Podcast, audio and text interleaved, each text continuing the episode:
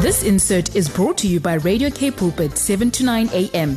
Please visit kpulpit.co.za.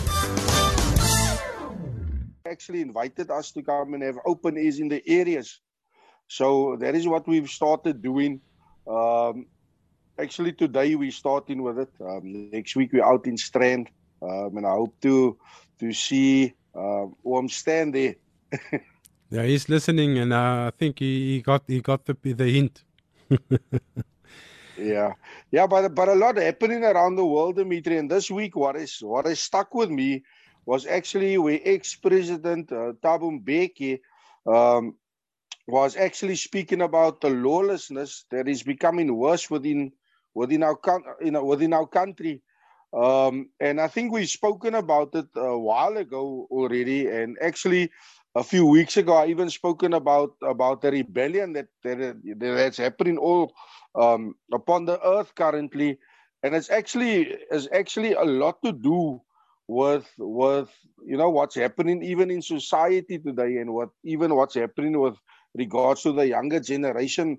Um, you know that that's it seems like they just gone out of control and you know, we really, as a people, we really need to just continue praying.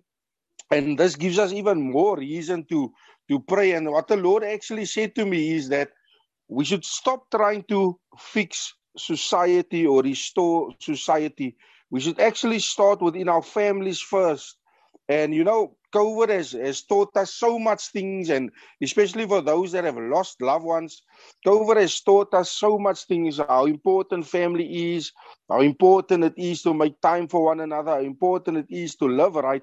But still, there's a lot of family out there that is just not getting it. Still, they, you know, speaking against one another. Still, they're doing all these crazy things, and they don't even have time for each other. And that is what I want to continue speaking about uh, this morning is the lawlessness. You know, and, and lawlessness is a simple state of disorder due to a disregard of the law. It's some in, in similar to anarchy or chaos, but in Latin, Hebrew, and Greek, it speaks of when we translate it, it speaks of anarchy. It speaks of a, a, a other controlling system, absence of government, and absolute freedom of the individual regarded as a political ideal. Now the Bible, the Bible makes it simple. It simply means that man, it simply means the the man of sin. Simple, the man of sin. It's also a secret power. When we read mm. the hmm. Bible, you will discover that the Bible speaks about the lawlessness being a secret power, that it's already at work but also the bible also says that it will be exposed the lawlessness will be exposed and it will be overthrown. The Bible also speaks of lawlessness being a mystery. It speaks of it. And here, here the connection comes. Because of the mystery, there's a connection between rebellion and lawlessness. And you know, Dimitri, the, a few days ago, when I was praying, God actually showed me something. He showed me, you know, when when when Lucifer, when the devil was cast out of out of heaven, what is for these followers of angels you know what was their whole oh, role in heaven it was to worship god so after god cast the devil out of heaven he created man to replace that worship so we were created to worship god and to be obedient mm. that is what we were created uh, uh to do upon the earth and matthew 24 verse 12 says because of the increase of wickedness or lawlessness the love of most will grow cold. Mm. The love of most will grow cold. And mm. we are starting to see that every single day. We are starting to see how believers are actually slowly departing from the faith. And it is biblical, it is scriptural. We actually see those, the word of God starting to come to pass. Romans 6, verse 19 says, I am using an example of everyday life because of your human limitations, just as you used to offer yourselves as slaves to impurity and to ever increasing wickedness, so now offer yourselves as slaves to righteousness leading to holiness. But what do we do as a people? You know, and and and many have started becoming lovers of themselves as well. They everything is just about money. Everything is just about trying to enrich themselves. Um, everything uh, everything is just about worldly possessions and it's really really sad. But mm. how do we overcome this as a people? Mark 1 verse 15 says the time has come he said the kingdom of god has come near. Repent believe the, and believe the good news. Meaning we need to go back to basics. We need to repent daily you know, as men and women upon the earth, we fail God daily. We make mistakes. We fail each other daily. But still, God gives us the opportunity to repent daily. Father, forgive us, for we know not what we do. Forgive us, for we have we have done things that is not pleasing unto you. Still, there's grace, and the grace is sufficient for you and me. And it's important for us to understand that our, uh, for us to understand our enemy, the lawlessness is both physical and spiritual.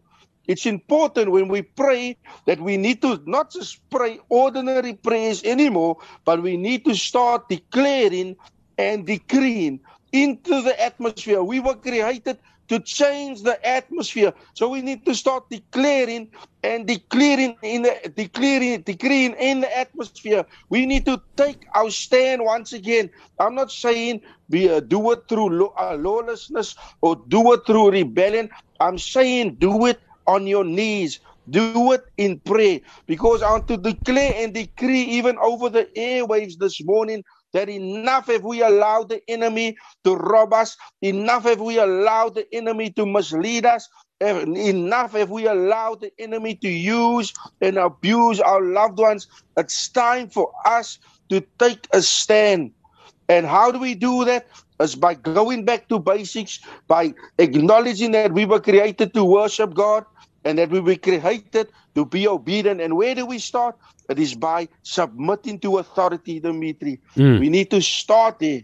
We need to start by submitting to authority. And God is always so faithful uh, to our listeners. He will always make sure there is someone of authority in your life so that God, so that the correct order can be, or the correct principle can always be applied within our lives.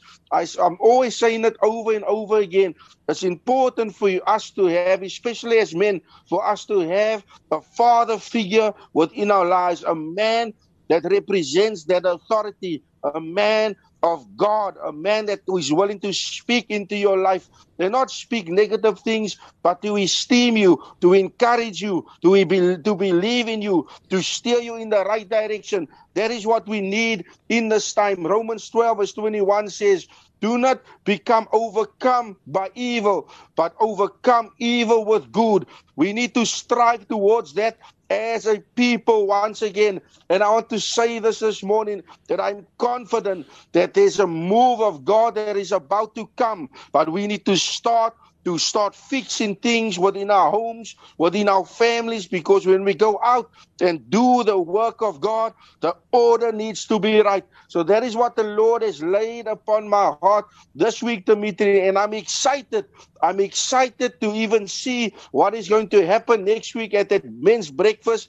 And I want to say to you, Pastor Stan and Dimitri, I will be there with you guys connecting with men because the Bible says where there is unity and where there is agreement, it commands a blessing. So we're going to have a blessed time in Malmesbury next week. Looking forward to that, my brother, and thank you for sharing with us uh, with so much passion and so much conviction. Let us use the Word of God, who is uh, um, above all. The Word of God is above all. It is above all legislation, but it does not um, break the laws, but it over, helps us to overcome and change laws. Yeah. Let us be the change makers. Thank you so much, brother. Have a blessed uh, open air service. May God go with you and may God touch many people through the wonderful work that you and your team do. We will chat next week again. Worldview. Have a blessed time, brother. Thank you, Dimitri. Thank you to you, Pastor Stan, and to our listeners. Have a blessed, blessed weekend. Wonderful. Bye bye. This insert was brought to you by Radio K Pulpit, 7 to 9 a.m. Please visit kpulpit.co.za.